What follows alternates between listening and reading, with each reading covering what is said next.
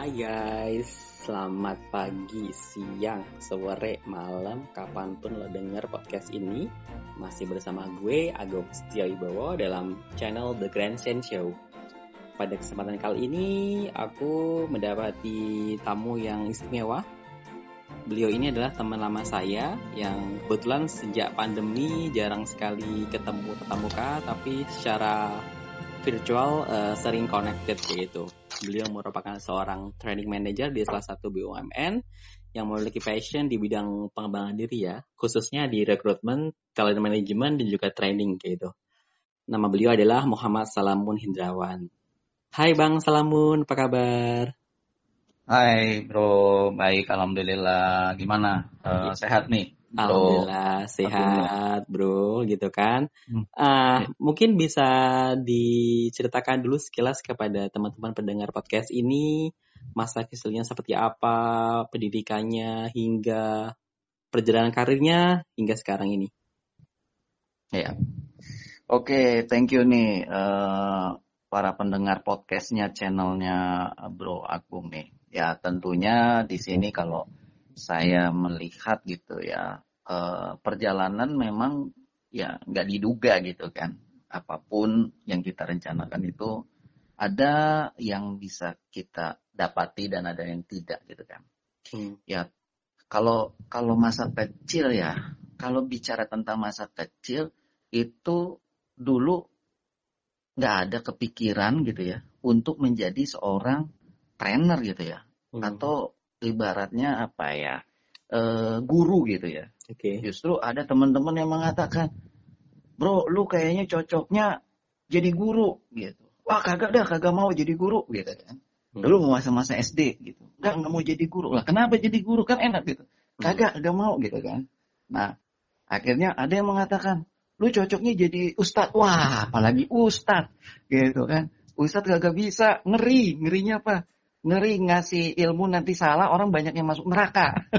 nah, dari sisi itu tuh antara ustadz sama guru tuh banyak yang dari teman-teman SD tuh yang mengatakan udah lu cocok itu dah apa uh, cita-cita lu itu aja kagak. Nah cita-cita saya sebenarnya apa? Ingin jadi tentara.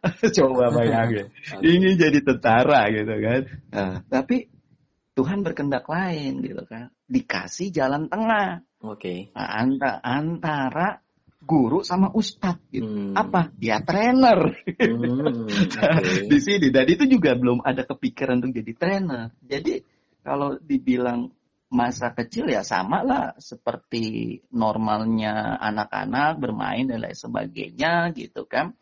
Cuman pada waktu SMA saya mulai terpikir kenapa orang itu gagal dalam psikotes. Nah, hmm. Itu yang menjadi menjadi uh, apa ya cara pandang saya dahsyat juga nih psikotes nih. Hmm. Bisa menggugurkan apa ya? Bisa menggugurkan dalam arti uh, orang punya cita-cita, orang mau hmm. masuk kerja, gue mau masuk kerja di sana di PTA, PTB dan lain hmm. sebagainya. Eh, kalau ditanya gimana bro, lulus lo gagal gue di mana psikotes lah hmm. orang mau masuk kerja juga eh, mau masuk sekolah juga hmm. Gagal gue di mana psikotes hmm. wih hmm. momok banget kan hmm. psikotes itu sendiri hmm. ah udahlah uh, tes tes apa uh, TNI gagal hmm. kan gitu hmm. kan tes TNI gagal gitu kan yeah. tes TNI gagal gagal di mana psikotes hmm. nah di situlah akhirnya apa ya seorang ibu lah almarhum hmm. gitu kan. Hmm. Emang cita-citanya mau apa? Mau ke mana? Mau sekolah di mana? Mau dibilang kayak gitu kan? Hmm. Ya udahlah, psikologi aja. Nah, hmm. pengen jadi uh, psikolog gitu kan. Okay. Cuman nggak tahu tuh jadi psikolog tuh ngapain nggak tahu tuh. Masih keren-kerenan aja pada waktu uh, mau masuk kuliah tuh. Ya udah. Nah, tepatnya tuh di depan rumah sakit gitu ya, rumah uh, kebetulan almarhum ibu saya seorang uh, paramedis gitu ya. Okay. Nah di situ tiba-tiba uh, ibu membelikan formulir tuh, formulir untuk masuk di salah satu perguruan swasta. Nah okay. gitu ya.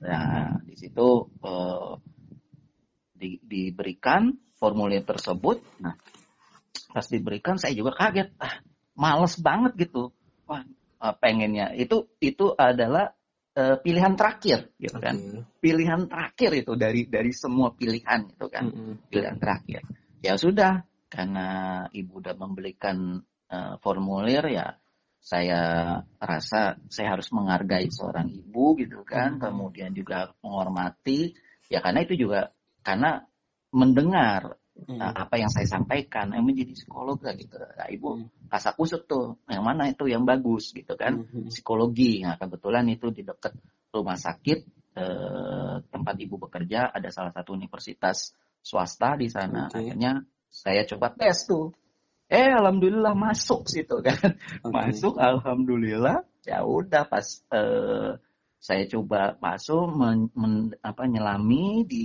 di di kuliahan gitu kan tentang psikologi gitu kan. Nah itu ada beberapa hal.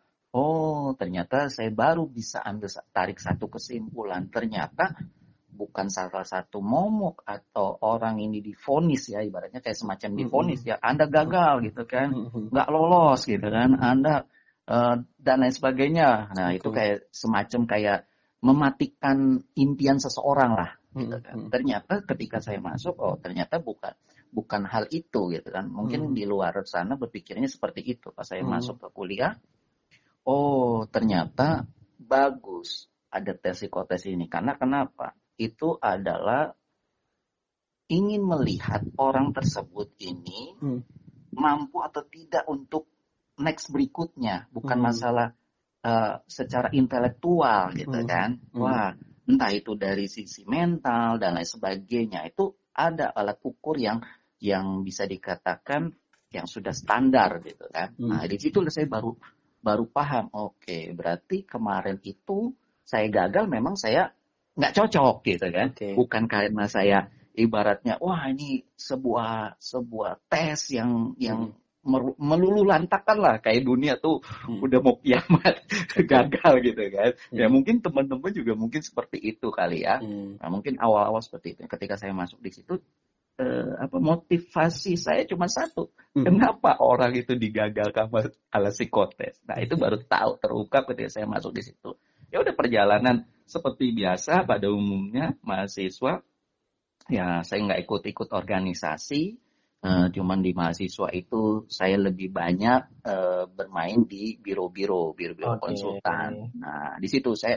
mulai mulai ibaratnya uh, mengenal uh, dunia psikologi secara secara general gitu kan uh, mulai dari uh, psikologi untuk perusahaan, klinis dan lain sebagainya. Nah, di situ fenomena-fenomena yang saya dapati di dunia konsultan, di dunia biro-biro psikologi dan lain sebagainya, akhirnya saya menemukan satu ini malah bukan bukan di dunia uh, pekerjaan atau dunia industri gitu ya. Mm-hmm. Saya melihat uh, ada fenomena yang justru saya waktu itu ngambil skripsinya bukan tentang uh, apa uh, perusahaan, tapi mm. saya ke uh, klinis. Oh, saya di situ menemukan satu fenomena, fenomena yang sangat sangat yang me, mengusik pikiran saya. Uh, itu adalah anak hiperaktif gitu kan. Okay. Nah, anak hiperaktif tuh pas kelihat di situ anak hiperaktif, kenapa nih?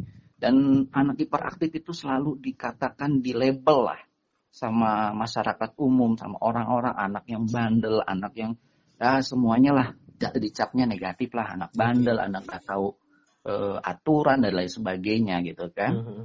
Nah di situ mulai mulai berpikir gitu kan. Padahal pada saat itu tuh saya nggak nggak apa maksudnya belum menikah dan ibaratnya belum tahu tentang anak hiperaktif itu gimana gimana. Cuman orang mengidentikan anak hiperaktif itu eh, nggak uh, tahu aturan lah okay. capnya seperti itu atau hmm. orang tuanya nggak ngedidik nih hmm. kan balik lagi ke orang tua lagi kan salahnya hmm. seperti itu nah di sisi di sisi itulah bro eh, sangat sangat ibaratnya apa ya sangat menyentuh lah melihat kondisi seperti itu kenapa sih anak hiperaktif itu nah itu ambillah saya ambil penelitian itu dan kebetulan alhamdulillah eh, orang tua saya al almarhum ibu saya bekerja di salah satu uh, rumah sakit hmm. negeri ya, hmm. punya pemerintah. Nah di situ uh, bertindak sebagai paramedis di bagian jiwa anak. Oh, nah, Akhirnya saya ambil tuh sampelnya.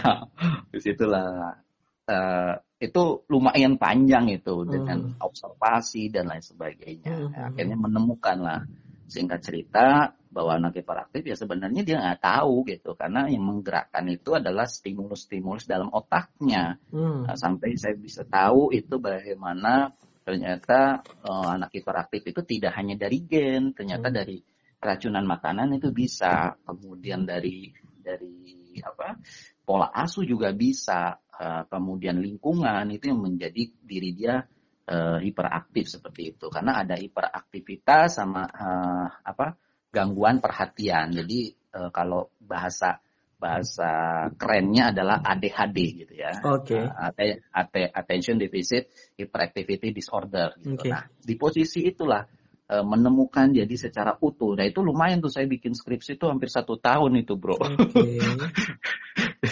dengan sampel tiga anak gitu kan. Nah setahun itu karena saya pengen tahunya aja dari sisi. Nah eh, pengen tahunya jadi berbuah pengetahuan saya gitu kan. Nah itulah perjalanan uh, singkat ketika masih uh, masih kecil kemudian uh, kuliah dan lain sebagainya okay. sampai lulus orang orang-orang pada wah hebat nih orang psikologi kan masuknya HRD HRD semua gitu kan masuk HRD gitu kan dulu HRD, staf HRD, wah seneng banget gitu kan teman-teman.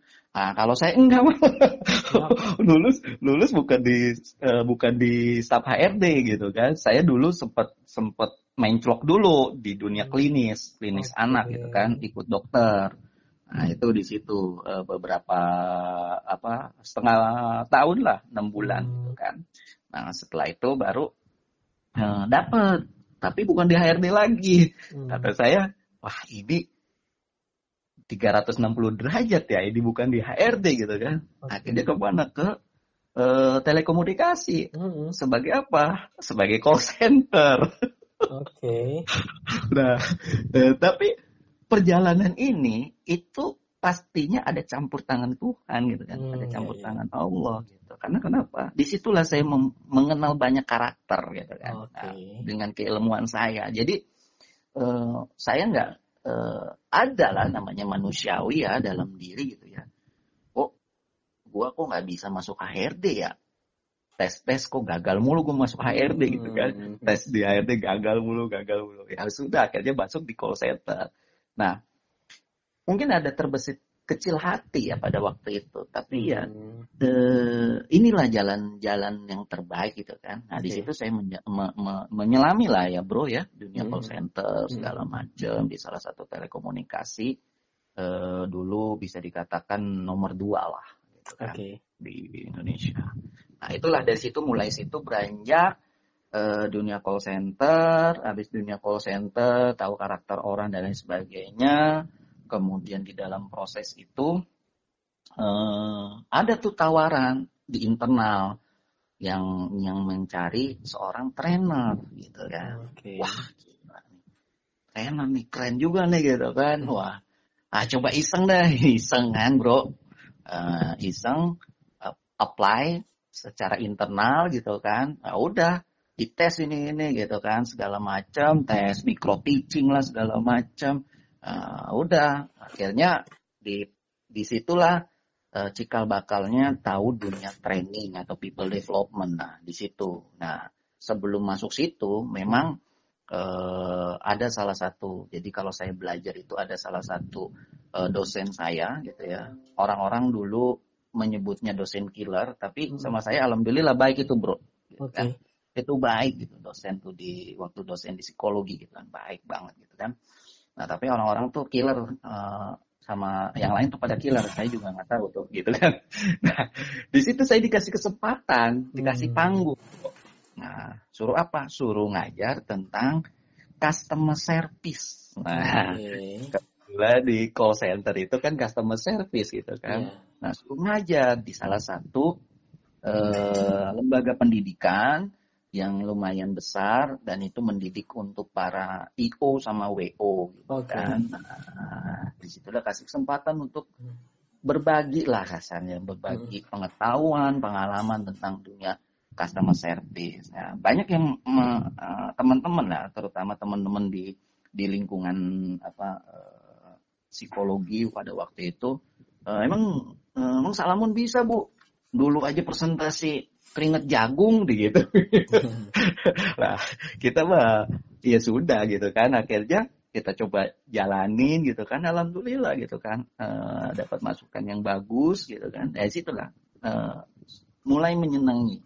Hmm. menyenangi dunia dunia trainer gitu hmm. kan. Dunia people development di posisi itu. Nah pada akhirnya Ya di situlah saya menemukan sebuah passion gitu kan. Oke. Okay. Wah ngomong berjam-jam, berdiri berjam-jam gitu, nggak ada rasa capek, nggak ada rasa lelah gitu. Nah, nah di situlah baru saya tarik gitu kak kalau kalau dalam ilmu apa e, psikologi atau NLP itu timeline ya kan. Saya balik ke belakang, wah ternyata teman-teman saya ini bisa dikatakan nih nyumpahin saya gitu kayak itu jadi guru, jadi ustadz ternyata Allah berkehendak lain atau Tuhan berkehendak lain di jalan tengah ya udah deh dikasih yang tengah nih jadi trainer. Okay. jadi itulah proses perjalanan. Jadi so mungkin uh, apa ya bisa dikatakan teman-teman di sini uh, apa yang yang yang teman-teman uh, jalani atau uh, teman-teman apa lakukan ya tentunya uh, satu hal kita fokus pada passionnya kita, gitu, strengthnya kita. Mungkin itu sih bro sejarah apa uh, secara singkat. Mungkin dari uh, bro uh, Bro Agung apa yang mau disampaikan Wah, lagi monggo silakan. Luar biasa nih uh, panjang uh, penjabarannya ya. Wah, jadi ya, jadi kalau Nah, dari apa ya mungkin sudah belasan tahun ya ya uh, Bro Salamun berkarir gitu kan. Iya. Um, pernah nggak sih merasa uh, di posisi atau tempat yang ih ini kayaknya bukan gue banget gitu kan, terus pengen keluar, terus merasa kayak uh, down, terus merasa kayak kehilangan arah gitu kan, sebelum menemukan passion atau mungkin calling gitu? Iya, pernah, pernah iya. berkali-kali bahkan gitu kan. Kenapa berkali-kali? Karena uh, kita, uh, uh, terutama saya ya, okay. itu bisa dikatakan menyukai semua tantangan gitu okay. ya dalam dalam bidang industri apa pun, mm -hmm. terutama diri saya itu saya saya challenge ke diri saya gitu. Oke. Okay. Uh, baik itu di korporasi atau di core-nya apa pun itu saya coba mm -hmm. saya jalani gitu kan. Oke. Okay. Nah, berbicara tentang calling ini yang paling paling paling saya suka dari uh, Bro Agung di buku callingnya gitu kan. Mm -hmm bagaimana kita bisa terpanggil gitu ya. Okay. Uh, sebenarnya panggilan itu ya panggilan balik lagi ya, hmm. uh, passion gitu kan. Okay. Nah, di mana kita kalau bicara di sini hmm. tidak ada rasa lelah. Oh ya. Yeah. Ya namanya hobi ya kan, yang namanya ini uh, ngutak gitu kan beberapa jam juga tetap aja nggak ada rasa lelah letih. Udahnya kalau udah selesai tak baru kita kerasa, aduh badan pada pegel-pegel ya, pada kes, pada capek. Nah itu baru ibaratnya ada uh, hormon di dalam tubuh kita gitu kan hmm. ya, semacam kayak uh, membooster gitu ya menyuntikkan okay. gitu kan dalam tubuh hmm. kita sehingga kita tidak ada rasa, rasa lelah nah itu ada terpanggil ketika kita hmm. udah selesaikan satu pekerjaan itu yang passionnya kita hmm. ya semacam kayak doping lah gitu okay. kan doping dalam doping alami dalam tubuh kita sebenarnya ya saya juga agak heran kalau ketika orang-orang tanda kutip ya hmm. menggunakan uh, narkotika. Hmm. Padahal kalau mau apa sih sebenarnya narkotika untuk apa? Untuk ketenangan. Sebenarnya hmm. fungsi itu sudah ada secara alamiah di dalam tubuh kita gitu kan. Hmm. Kita mau ketenangan itu kita bisa pakai doping gitu. Hmm, okay. Bagaimana kita memproses memprosesingnya aja kita program hmm. untuk untuk dalam dalam diri kita. Itu udah lengkap semuanya program apa pun ada gitu. Kita mau apa? Kita mau relax ya bisa gitu. Kita mau mau tenang itu bisa gitu kan. Nah itulah mungkin eh, orang-orang yang terkena narkotika dan lain sebagainya kasihan saya. Kasihannya mereka belum tahu caranya bagaimana bisa memprosesing di dalam tubuh diri kita. Itu sebenarnya bisa ada hal-hal yang bisa dikatakan itu bisa membuat ketenangan, membuat kenyamanan dalam diri tanpa kita bantuan zat-zat adiktif ya seperti hmm. itu. Jadi karena saya pernah juga itu, uh, bro, uh, melakukan terapi untuk di BNN tuh. Okay. Jadi banyak orang-orang tuh saya tanya kenapa? Ya Pak pengen tenang aja Pak gitu. Tenang kenapa? Udah pakai itu tenang. Tenang terus habis itu kembali lagi lah.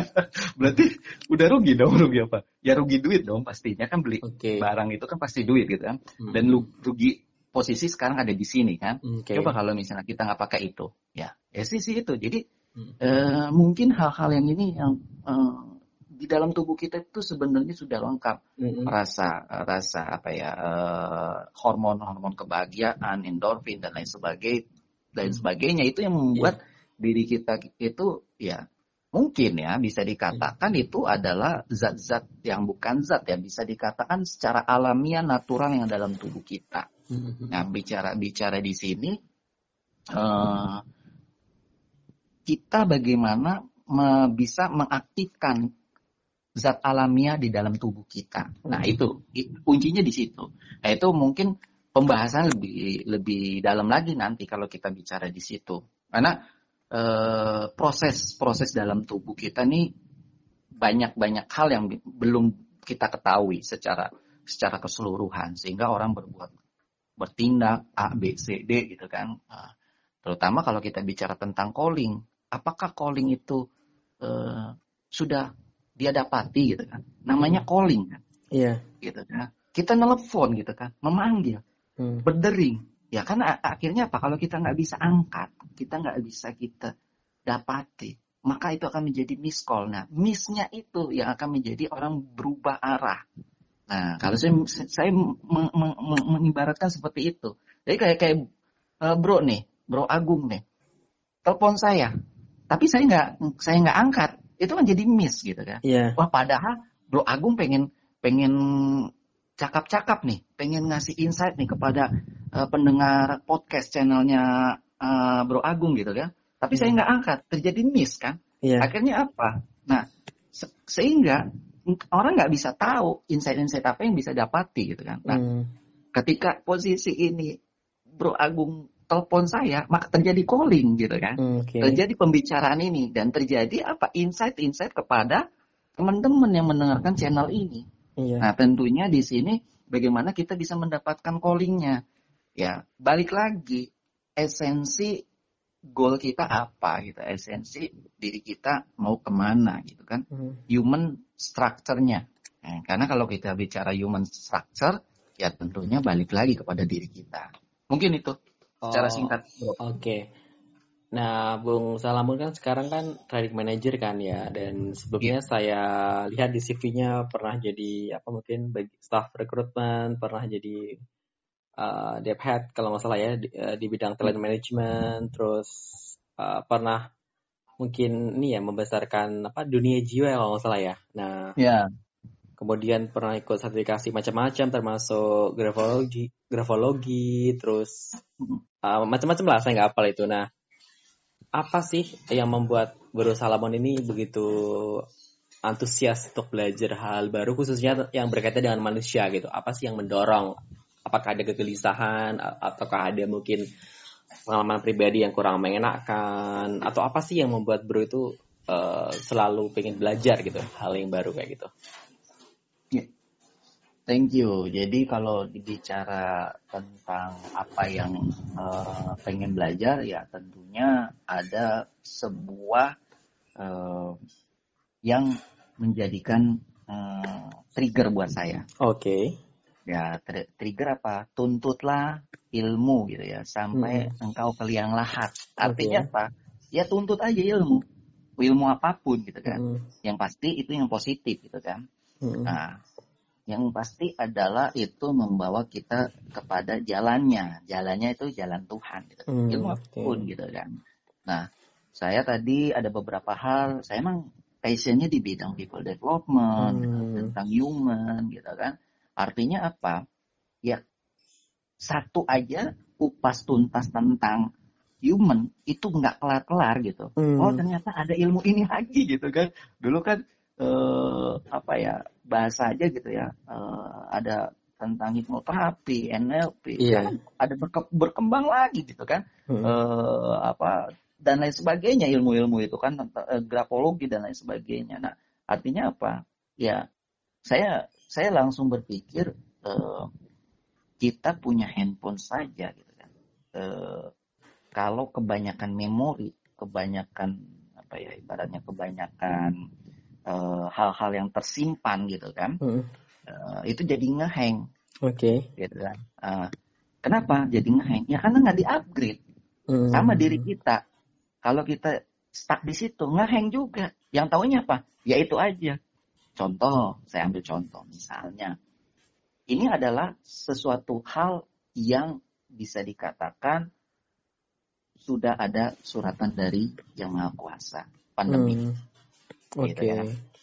Kita bicara di sini misalnya kayak meeting, Zoom okay. dan lain sebagainya.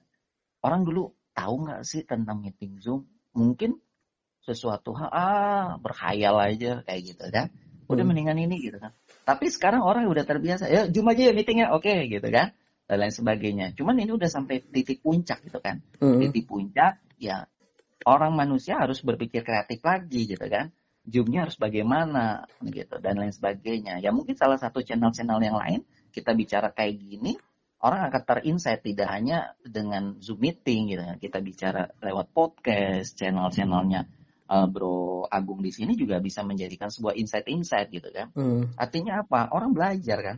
Belajar sesuatu hal yang baru mungkin awal-awal masih kagok gitu kan atau orang-orang pada apa belum belum pada uh, familiar dengan dengan tools tersebut tapi dengan hmm. sendirinya dengan kebiasaan habit-habit yang baru mereka jadi terbiasa oh ternyata memudahkan dan lain sebagainya. Ada step berikutnya, dia belajar apa? Ah, udah gampang kok ini udah pakai gini udah. Nah, hmm. Berpikir berikutnya, gue belajar apa lagi ya gitu kan? Hmm. Maksudnya kalau kalau ya ini tadi yang saya bilang, ketika kita berbicara ke situ pasti ada namanya uh, growth mindset sama fixed mindset. Gitu okay. kan? Kalau udah kalau kita bicara di situ, kalau kita berbicara, ya udahlah zoom aja ini ini. Nah, tapi kan orang udah sampai peak nih gitu kan. Orang udah mulai agak jenuh dikit-dikit gitu kan cuman masih ada yang uh, pakai Zoom dan lain sebagainya gitu kan. Nah mungkin hmm. salah satu alternatif dengan dengan uh, podcast ini, channel ini, orang akan iya, orang mungkin dengerin ini bisa sambil tiduran, bisa sambil nyantai gitu kan, bisa sambil ngopi, misalnya seperti itu. Nah itu kan lebih lebih ibaratnya orang akan berpikir kreatif lagi, oh belajar ini ya. Nah terus apa lagi gitu. Nah sisi-sisi itu yang mungkin yang bisa dikatakan pengembangan dalam uh, cara kita ber, apa, berpikir gitu ya, uh, growth mindsetnya. Jadi ya ini adalah tahun bisa dikatakan tahun survivalnya manusia gitu kan. Hmm. Semuanya semuanya uh, tidak terlepas dari yang namanya krisis saat ini gitu kan. Yeah. Jadi ya uh, cuman satu kuncinya hmm. uh, perlu duit gitu ya. Okay. Apa tuh perlu duit gitu ya? duit bisa diartikan duit sebenarnya bisa diistilahkan duit itu doa, usaha, ikhtiar dan tawakal. Nah oh, itu. Jadi untuk, saat ini tuh perlunya duit gitu ya. Duit secara artinya sebenarnya atau duit doa, usaha, ikhtiar dan tawakal. Jadi hmm. itulah ya kunci saat ini yang harus kita jalani, bro. Hmm, Oke. Okay.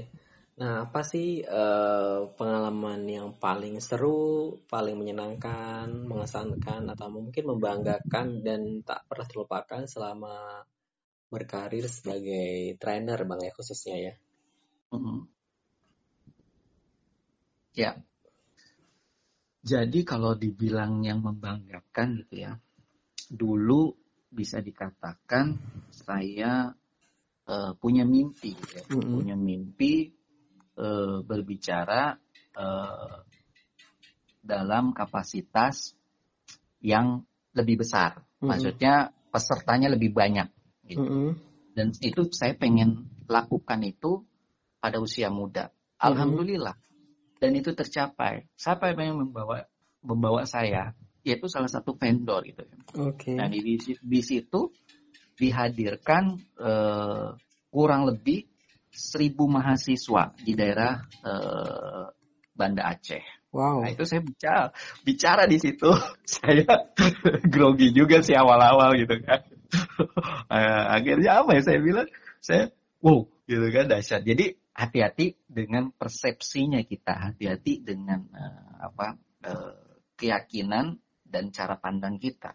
cepat atau lambat itu uh, akan akan akan menarik gitu loh akan menarik nih bro akan menarik uh, diri kita kepada sisi itu sekuat hmm. mana pikiran sama sama keyakinan kita untuk bisa ketarik ke situ nah itu itu saya itu yang yang sangat luar biasa dan pada waktu itu juga Aceh sempat terjadi masih ada konflik-konflik ya yeah. Iya. uh, dan memandang memandang mohon maaf bukan berarti kita sukuisme atau ras ya hmm. uh, memandang mungkin saya dari dari apa uh, Pulau Jawa gitu ya hmm. memandang kurang baik gitu ya yeah. kurang bersahabat tapi alhamdulillah saya masuk ke sana mereka bersahabat semua dengan saya oh. uh, ngopi segala macam gitu kan dan di situ uh, apa memberikan salah satu motivasi buat rekan-rekan uh, mahasiswa di sana gitu kan nah itu masih masih saya belum belum menikah itu bro jadi hmm. masih terngiang aja di pikiran saya wah udah saya hati-hati juga bermain dengan persepsi bermain dengan pikiran gitu kan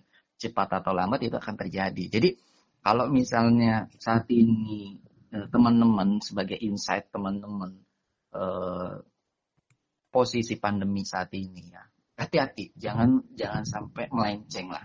Jangan hmm. melenceng dalam arti di sini persepsi kita waduh udah berat banget hidup. Ya itu akan berat gitu kan. Wah udah ini ya. Jadi ya udah enjoy aja. Toh uh, Tuhan nggak tidur. Toh Allah itu nggak nggak nggak nggak nggak. Maksudnya nggak nggak melihat istilahnya wah uh, gua kasih derita. Enggak tapi ada ada ada satu sisi kita akan diangkat. Nah, hmm. sisi itu yang kita harus uh, berikan cara pandang gue yakin deh gitu. Gue yakin gue bisa bisa up lagi walaupun memang saat ini mungkin yang teman-teman uh, mohon maaf terkena uh, dampak dari uh, pandemi ini ingat masih ada satu yaitu Tuhan. Tuhan itu hmm. pasti akan membantu kita next berikutnya step berikutnya.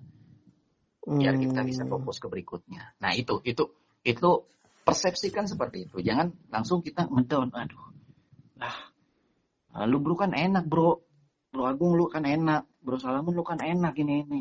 Ya semuanya nggak ada yang enak gitu kan.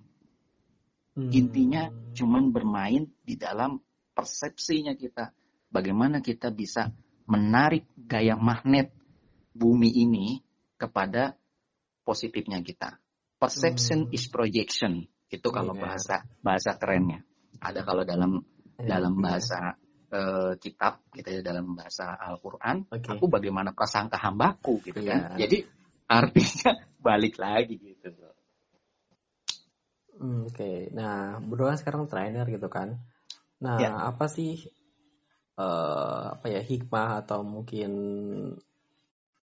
pelajaran terbesar selama menjadi psikologi yang mungkin bermanfaat banget nih sebagai trainer sekarang? apa sih yang membuat lo bersyukur sebagai alumni psikologi gitu kan? Dia yang hubungi ya. dengan dengan dunia training gitu bang? Iya, mungkin yang bersyukur uh, salah satunya gue bisa kenal lo gitu kan? Okay. Nah, karena kan penulis juga nih keren nih.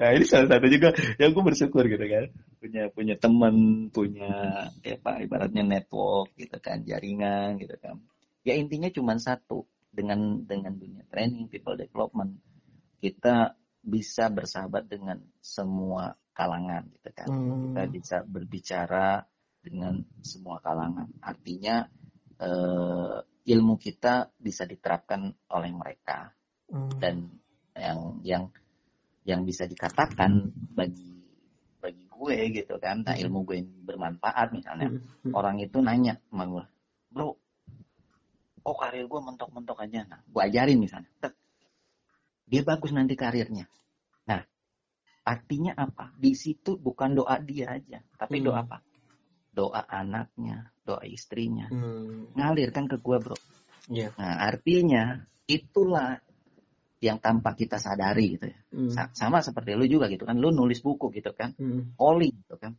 orang akan terinsight dari calling itu gitu hmm. gitu kan berapa orang yang bisa merubah cara pandangnya untuk bisa mendapatkan calling dan okay. dia bisa up.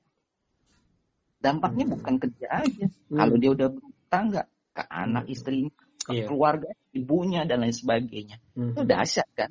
Yeah. Padahal cuma nulis satu buku ibaratnya. Iya. ya ibaratnya sisi itu loh. Jadi hmm. uh, itu yang yang yang apa ya kalau bahasa kerennya intangible lah. Yeah. Tidak terlihat tapi kena dampaknya. Hmm. Itu bro. Nah salah satunya kayak kita nih ngobrol kayak gini kan. Orang akan terinsight apa? Oh ternyata di pengalaman Bro Salamun, Bro Agung seperti ini. Wah, gua harus kayak gini. Ngapain ini? Nah, sisi itu. Jadi uh, banyak hal lah yang perlu kita hmm. lakukan dengan dengan kita ngobrol kayak gini adalah salah satu kita e, memberikan stimulasi gitu ya, hmm. stimulus-stimulus gitu ya kepada e, teman-teman gitu kan. Hmm. Inilah yang e, bisa dikatakan positif lah. Nah, harapannya teman-teman juga bisa seperti itu, gitu bro. Hmm, oke okay deh. Nah, sekarang balik ke dunia pengembangan diri nih bang. Ya. Um, apa namanya?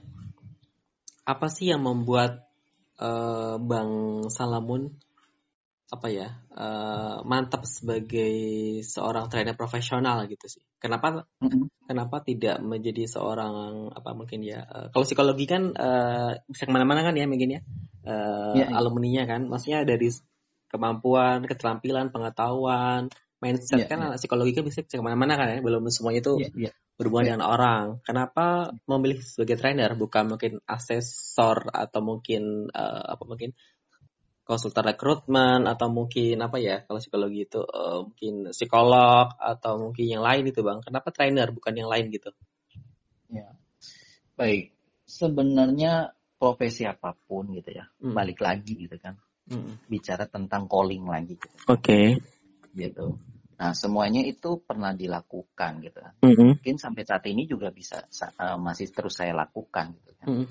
Uh, di bidang uh, rekrutmen okay, itu masih ya. masih mm-hmm. masih dilakukan. Artinya apa? Dilakukan di sini uh, yang untuk saat ini saya jalani adalah uh, membina uh, trainer-trainer mana yang kira-kira cocok gitu kan okay. sama segmen-segmen segmen-segmennya kita. Nah, itu kan mm -hmm. salah satu rekrut juga kan yeah. itu. Cuman beda beda core-nya aja gitu kan. Tapi mm -hmm. posisinya tetap rekrut gitu kan. Mm -hmm. Kemudian uh, dalam bidang misalnya uh, apa ya assessment, asesor, hmm. ya itu masih nguji gitu kan, menguji. Okay. Gitu kan.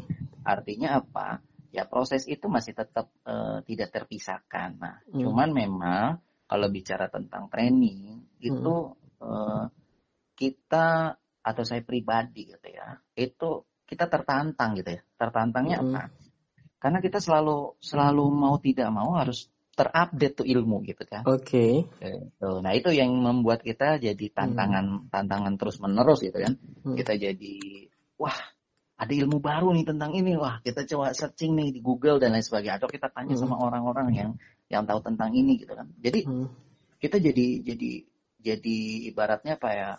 E, mau tidak mau terpaksa gitu kan. Hmm. wah ini ada permintaan klien misalnya. Butuh tentang tren apa e, ilmu ini. Ya kita nggak tahu apa nih. Coba kita oh ini. Wah gimana cara? Wah kayaknya nggak bisa nih. Nggak nggak tahu nih kita. Ya coba belajar deh sampai ahlinya. Nah itu hmm. yang membuat saya itu apa ya uh, kalau dibilang haus ya haus hmm. haus dengan ilmu gitu kan hmm. pengen belajar terus gitu kan Kayaknya dengan kondisi uh, sekarang ini ya alhamdulillah dengan keterbatasan dan lain sebagainya uh, Allah memberikan kemudahan saya bisa lulus untuk S2 saya alhamdulillah dengan kondisi sekarang, sekarang ini gitu kan hmm. kondisi dan lain sebagainya itu apa karena saya pengen pengen upgrade diri diri saya gitu kan. Artinya eh, jangan sampai kita eh, di posisi ah yaudah ya tadi saya balik lagi gitu kan antara hmm. growth mindset sama fixed mindset. Jadi kalau misalnya hmm. kita berbicara tentang fixed mindset ya udah segitu. Hmm. Dan trainer itu bisa dikatakan eh, pola-polanya selalu berkembang gitu. Hmm. Nah, sehingga diri kita juga terus maju gitu kan. Terus juga di sini kan kita trainer masih ada hubungannya sama penulis. Kita bisa ketemu sama penulis gitu kan. Nah, bisa kolaborasi sama penulis. Ya udah bikin training ini ayo gitu kan dari situ apa silaturahmi, jalan juga uh, memperpanjang usia ya karena apa? Kita ketawa dan lain sebagainya, punya insight dan lain sebagainya gitu kan. Terus ya dampaknya apa? Ya pasti rezeki gitu kan. Rezeki apa? Rezeki banyak hal gitu kan. Oh, hmm. uh, kalau bicara tentang calling kalau suatu saat nantinya nyari, ah udah kontak aja tuh Bro Agung gitu. Oh, kalau bicara tentang psikologi dan kontak aja bro salamu nah jadi artinya posisi-posisi itu kan apa? Ya network-network baru berkembang berkembang sama seperti kita di dalam otak kita sinap-sinapnya akan akan berkembang dengan dengan nambahnya kita pengetahuan baru sinap-sinap dalam otak kita jalur-jalur di dalam otak kita itu terus membuat jalur baru gitu ya. Jadi berkembang terus eh, apa garis-garis dalam saraf-saraf otak kita tuh berkembang terus seperti itu sih bro. Okay. Jadi uh, ya apa ya bisa dikatakan salah satu uh, trainer ini ya bukan profesi lagi kalau saya bilang ya udah hmm. ini adalah uh, jalan hidup saya gitu kan hmm. jalan hidup saya yang harus saya jalani gitu kan gitu hmm. kenapa itu adalah keberkahan buat saya pribadi dan keluarga. Oke. Itu sih bro. Ngomong-ngomong masalah pandemi ya yang tadi bro sempat singgung gitu kan. Mm -mm. Nah bro sendiri uh, kan tentu ya seperti kita semuanya itu kan memiliki banyak tantangan uh, mm -mm. dan masalah tentu saja kan selama pandemi ini kan krisis ya mungkin nggak hanya mungkin krisis finansial mungkin buat teman tapi juga krisis mental, krisis kesehatan gitu karena apa sih yang bro pelajari dari pandemi ini? Kenapa pandemi ini membuat bro lebih kuat gitu? Atau mungkin apa sih uh, pelajaran atau hikmah terbesar yang bro dapatkan uh, karena pandemi gitu, bro? Ya, oke. Okay. Ketika kita bicara tentang pandemi saat ini, mungkin banyak hal ya, banyak hmm. hal apa ya bisa dikatakan, terutama psikologis ya, okay. yang terganggu hmm. bisa dikatakan gangguan psikologis, gangguan emosional ya, hmm. terutama gangguan emosional. Orang cepat bisa dikatakan orang cepat sensi lah untuk saat-saat ini gitu kan, cepat sensi, cepat frustasi, cepat apa ya, ya banyak hal lah yang mungkin gangguan-gangguan emosional gitu kan. Akhirnya eh, banyak yang tidak ber, berpikir secara apa ya, ya otak kritikal tingginya hilang gitu ya. Mm. Ya, Awal-awal saya sama seperti manusia pada umumnya. Bahkan ada teman saya juga sama. Waktu itu ketemu salah satu trainer gitu. Uh, dia punya uh, provider training gitu kan. Dia usaha provider training itu kolaps gitu kan. Hmm. Bangkrut. Dia hampir bunuh diri gitu kan. Wow. Jadi ya hampir bunuh diri seperti itu. Nah ketemu lah ngobrol. Wah gua bro hampir gue mati. Kenapa? Covid. Saya bilang ke saya langsung covid aja. Agak bro, hampir bunuh diri. Kenapa? Perusahaan gue tutup. Gue harus bayar. Sekarang ada utang. Ya utangnya bukan utang kecil. Uh, ada sekitar 30 M lah. Berat gitu kan. Nah, tapi dia uh, survival gitu. Saya dapat insight-insight dari dia gitu kan. Ya lu, apa yang lu lakuin? Ya, sekarang mah gue udah pasrah aja deh bro mau hmm. dimatiin hari ini juga gue siap hmm. gitu kan hmm. nah terus nah, lo kemarin mau bunuh diri nggak mati ya itu dia berarti gue masih dikasih hidup gitu kan nah sisi-sisi itu yang uh, punya punya punya apa ya punya benang merah ternyata dengan kondisi pandemi ini setiap manusia itu bisa dikatakan diuji kesabarannya, uh -uh. diuji dalam cara pandangnya, uh. diuji dalam uh, keyakinannya, uh. pasti kan bisa di, kita ambil contoh lah negara kita, negara uh. Indonesia. Negara Indonesia kan bisa dikatakan manusia beragama kan, uh. gitu. Apakah agamanya itu benar-benar jadi fundamental di masing-masing individu itu atau tidak? Iya kan? Tinggal kita lihat aja kan posisi itu gitu kan. Nah itu semuanya ujian gitu kan proses ini udah pikir kita setahun kemarin ah udah nih 2021 udah udah lepas deh gitu. Kan ternyata masih masih lanjut gitu kan. Nah, itu sampai sekarang ppkm masih diperpanjang dan lain sebagainya. Apa? Karena dampak-dampak eh, apa eh, virus yang saat ini. Jadi apa bisa dikatakan ini proses proses ujian proses eh, mentality kita gitu ya hmm. secara secara uh, personal gitu ya bagaimana uh, kita tidak terjebak pada sudut pandang satu saja gitu ya. Hmm. Ya kalau mau dibilang waktu itu gue juga udah pasrah bro gitu hmm. kan ya kalau mau jujuran pada waktu itu gue uh, lagi mau KPR coba okay. mau KPR ini pengalaman pribadi gue ya mau KPR coba lu bayangin mau KPR udah gitu tinggal uh, beberapa minggu lagi kalau gua nggak kalau gua nggak dapet bank untuk KPR maka uang DP gua dan lain sebagainya itu hilang. Wow. Bayangin serem kan? Hmm. serem itu bro, itu serem itu, serem banget gitu kan. Nah artinya apa? Ya gue cuman cuman gue cuman punya keyakinan aja gitu kan. Kalau emangnya gue uh, ngambil di rumah tersebut gitu kan, ya kalau bukan rezeki gue awalnya udah digagalin gitu kan. Entah itu apalah BI checking kayak apa istilahnya kasarnya gitu. Ini gue lolos lolos semua gitu kan. Hmm. Nah ini gue cuma tinggal nyari nyari banknya aja yang mau KPR gitu kan hmm. dan lain sebagainya. Ada beberapa penawaran ini lama banget karena karena pandemi kali ya ngeri ngeri takut takut gimana gitu ya. Gue cuma hmm. lepas aja gitu. Udah besoknya itu hmm. eh, apa eh, pas terakhir salah satu bank ngubungin gue besoknya kantor di tempat gue itu lockdown. Hmm. Nah coba, cuma selisih satu hari bro. Alhamdulillah wow. gue lolos ke posisi. Jadi apa? Apakah itu keberuntungan? Iya. Tapi keberuntungan yang gue jemput bro.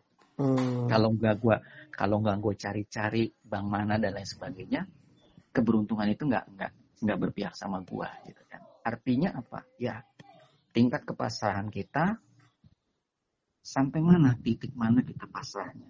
Hmm. Nah artinya eh di dalam kondisi pandemi ini perlu duit bro hmm, perlu duit iya. baik secara real maupun secara yang tadi gue sebutin duit itu apa do uh, doa usaha ikhtiar gitu kan. Sama tawakal. Hmm. ya kita doa gitu kan. Nah karena dari doa itu ya kita harus usaha juga kan. Hmm. supaya apa? Untuk untuk menjemput yang namanya keberuntungan. Ya kalau kita menang baik gitu kan. Kalau bahasanya menang baik pak berdiam diri gitu kan. Uh. kalau kita nggak nggak gerak ya nggak berubah gitu kan. Uh. ya namanya perubahan ya karena kita bergerak dari satu titik ke titik yang lain itu berubah gitu kan. Uh. sisi itu. Nah itu. Jadi ya mungkin ada yang lebih dahsyat dari gua lah penderitaannya dan lain sebagainya. Cuman ya satu hal ya keberuntungan. Entah itu sebutnya keberuntungan entah itu sebutnya mujizat apa apa pun itu ya. Ya itu pasti ada gitu. Dan itu pasti ada di setiap manusia. Okay. percaya itu aja. Nah itu sih apa namanya? Pandemi ini kan seperti yang tadi telah kita obrolkan kan membuat banyak orang hmm. merasa stres depresi ada yang mungkin sempat mau bunuh diri gitu kan hmm. ya dan saya saya menyingkatnya dengan masalah ini bang ya mungkin uh, kesehatan mental ya ya walaupun ya, mungkin ini kesehatan fisik itu penting ya dan ya. kritis itu kan atau mungkin ya. urgent tapi kesehatan ya. men kesehatan mental nampaknya tuh begitu terasa ya di masa pandemi ini dicoba gitu nah menurut ya. bang Salambun sendiri ap apa sih yang apa ya bukan apa ya lebih ke bagaimana sih e, cara atau strategi agar kesehatan mental kita tuh terjaga bang di masa pandemi ini ya Hmm, mungkin tips kali ya atau apa okay, ya? Oke, tips boleh. Ya, ya mungkin kalau saya sih uh, yang saya jalani aja kali ya. Saya juga uh, masih terus belajar gitu. Mungkin nanti ada ada teman-teman yang terinsight yang lain uh, silakan mm -hmm. saja. Tapi ini yang saya jalani gitu ya. Mm -hmm. Ya kalau saya tipsnya satu, gitu mm -hmm. kan uh, tugas kita di dunia atau di bumi ini cuma satu gitu ya, mm -hmm. yaitu untuk beribadah gitu kan. Yeah. Ya, cuman masalah kita profesinya apa itu karena memang kaitannya sama usahanya kita. Oke. Okay. Gitu kan. Nah, saya sebagai trainer ya usaha usaha saya sebagai training gitu kan. Mm-hmm. Usahanya training ibaratnya seperti itu. Mm-hmm. Dan uh, Bro Agung juga misalnya sebagai penulis ya usahanya menulis buku insight-insight itu mencerdaskan dan lain sebagainya. Mm-hmm. Adapun orang-orang di uh, di luar sana juga punya usaha-usaha yang lain itu adalah uh, cuman berprofesi atau kita menjalani dalam kehidupan ini gitu kan. Jadi ya lakukan apa yang uh, di, yang diamanahkan gitu, atau yang di uh, minta sama Tuhan di dunia ngapain? Intinya di situ.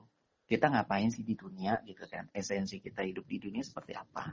Ya kan beribadah gitu kan? Hmm. nah beribadahnya se sejauh mana? Makanya kan tadi di yang di awal saya sampaikan itu saat ini kan ujian untuk fundamental. Fundamental hmm. kita dekat sama Tuhan sejauh mana gitu kan. Ini ujian gitu kan. Ya sampai ya ujung-ujungnya tadi balik lagi ke teman saya yang hampir mau bunuh diri ya ujung-ujungnya balik lagi kepada Tuhan gitu kan. Hmm. nah sejauh mana ya? Ya sejauh atau sedekat mana masing-masing individu itu dengan Tuhan. Jadi konteksnya adalah kita lolos nggak lulus nggak dalam kondisi saat ini kaitannya sama kesehatan mentalnya gitu kan hmm. karena kalau kesehatan mental ini ber, ke, apa bisa dikatakan kita sakit mental kita, maka ambruk secara fisik juga hmm. mengganggu gitu. Mungkin saya nggak tahu ya, uh, setahu saya gitu ya, uh, tidak ada salah satu asuransi itu mengcover uh, sisi mental gitu ya. Iya benar. Apa itu itu panjang kali lebar karena konslet satu aja di dalam di dalam uh, otak kita, saraf kita itu nggak bisa dengan cepat diberikan eh, pengobatan sehari dua hari sebulan hmm. dua bulan setahun dua tahun. Nah itu yang yang yang benar-benar yang sangat penting adalah mentality. Makanya ya mentality ini ya yang bisa diobati atau mencegahnya itu dengan dekat sama Tuhan salah satunya gitu kan kemudian apa ya udah ruang ruang kenyamanan kita atau ruang uh, amannya kita ada di mana sih Hmm. Monggo saja. Misalnya ruang aman kita atau nyaman kita di mana? Di keluarga. Ya udah. Dekat sama keluarga. Misalnya seperti apa? Kita main sama anak. Gitu kan. Ya. Apakah di rumah? Ya mau nggak mau di rumah dengan kondisi sekarang. Mungkin ya kita harus cari cara pikiran kita harus kreatif nih gitu kan hmm. biasanya ke mall gitu kan katanya nggak ke mall gitu kan ke tutup gitu kan ya mau nggak mau kita harus kreatif ya hmm bermain dengan cara hal-hal yang edukatif gitu kan. Nah, itu banyak, banyak yang bisa dilakukan sisi itu. Nah, cari tempat nyaman kita ada di mana. Apakah tempat nyaman kita membaca buku misalnya? Ya monggo aja, gitu kan. Nah, tempat nyaman kita uh, dengan keluarga, bermain sama anak, monggo gitu. Tempat nyaman kita misalnya membaca Al-Quran, monggo saja gitu. Membaca Alkitab, monggo gitu kan, silakan. Nah, cari tempat kenyamanan kita, amannya kita ada di mana. Hmm. Karena kalau kita bicara tentang uh, hierarki Maslow, kebutuhan Maslow gitu, pondasi dasar adalah tingkat aman dan nyamannya kita. Hmm. Kalau itu kuat, kokoh, baru kita berbicara tentang aktualisasi diri, gitu kan. Nah, kalau ini pondasi kita udah kokoh, step berikutnya dan lain sebagainya itu bisa kita uh, tatap atau bisa kita injak dengan secara perlahan-lahan step by stepnya. Seperti tangga gitu kan kita bisa pijak gitu satu persatu. Nah kalau pondasinya nggak kuat maka itu akan roboh gitu gitu kan. Hmm. sisi itu kalau saya mengibaratnya seperti itu. Hmm. jadi ya cari tingkat keamanan atau nyamannya kita ada di mana. Sisi itulah kalau kita hmm. kita mau ini. Kemudian next berikutnya apa? Ya kita salurkan hobi kita apa gitu. Dengerin musik, monggo dengerin musik. Kemudian hobinya nulis, silakan nulis gitu kan. Ya salah satu salah satu terapi adalah misalnya kalau uh, yang senang nulis itu salah satu bentuk terapi misalnya. Ya Habibie hmm. aja itu kan almarhum presiden kita Habibie hmm. kesedihan yang mendalam beliau menulis gitu untuk mengeluarkan sisi-sisi emosionalnya gitu kan. Hmm. Banyak hal yang bisa dilakukan gitu. Jadi eh, kita jangan apa ya? Jangan menyerah dengan kondisi mentality kita ke hmm. apa ke keterbatasan mental kita gitu kan. Atau kita bisa juga kayak gini. Ah, gue kayaknya pengen sharing-sharing gitu kan. Ya, sharing-sharing ini adalah salah satu apa ya rilis rilis hmm. emosi rilis kita bicara wah gue seneng nih padahal uh, apa ya bisa dikatakan apakah ini menghasilkan nah belakangan itu menghasilkan nomor sekian gitu tapi apa hmm. kita ngobrol kayak gini juga kan wah ternyata eh, pertanyaan-pertanyaan dari Bro Agung juga bisa dikatakan ini wah bagian dari fenomena yang ada di luar sana gitu kan. Wah, hmm. saya harus memberikan gitu kan. Saya harus memberikan sesuatu pengetahuan ya untuk bermanfaat untuk teman-teman juga gitu kan. Atau nanti dari Bro Agung juga punya insight-insight baru gitu kan. Nah, itu bisa bisa diberikan. E, Banyak hal sih sebenarnya yang harus kita lakukan step by stepnya. Ya pertama ya balik lagi ke, ke Tuhan gitu ya. Kemudian cari tempat keamanan atau nyamannya kita salurkan emosi, emosi itu dengan banyak hal, dengan uh, hobinya kita. Kemudian berikutnya adalah kita ya apa ya relaksasi. Relaksasinya apa? Ya tidur. Tidurnya apa? Ya waktunya tidur ya kita tidur, istirahat. Waktunya kita istirahat, istirahat. Ya udah dari situ kita uh, rilis emosi. Hmm. Hari ini saya lakukan mungkin dalam perjalanan uh, dari pagi melakukan aktivitas jam 7 sampai misalnya jam 9 atau jam 10. Banyak hal-hal yang mungkin saya melakukan kesalahan. Ya maafkan gitu. Mohon ampun sama yang maha kuasa. Tulis dulu semua. Baru kita baca doa. Udah. Kita tidur. Uh, dan mindsetkan dalam pikiran kita. Kita posisi kita bangun dalam kondisi sehat.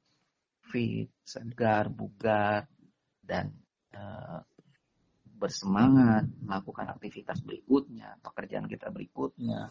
Nah itu yang yang saya jalani gitu. Nah ya perlahan-lahan saya yakin ini sebuah ujian yang kita harus lewati secara bersama-sama. Jadi bukan karena satu orang atau berapa ini uh, kita jadi istilahnya down gitu. Nah itu dari diri kita semuanya kita mau memilih kita bahagia mau, mau, mau memilih kita tersakiti adalah dari pilihan cara pandang atau persepsinya kita mungkin itu sih bro oke okay. nah tiba juga kita di penghujung acara bang ya karena ya. sudah hampir sejam gitu kan dan saya sendiri dan mungkin tentu saja uh, pendengar podcast ini sudah mendapatkan banyak insight gitu kan. Nah, dari obrolan ini uh, aku dapat insight banyak banget. Tapi kalau misalkan ada satu hal yang bisa saya bisa saya ingat, duit gitu kan, doa, usaha, ikhtiar dan tawakal gitu ya, Bro ya.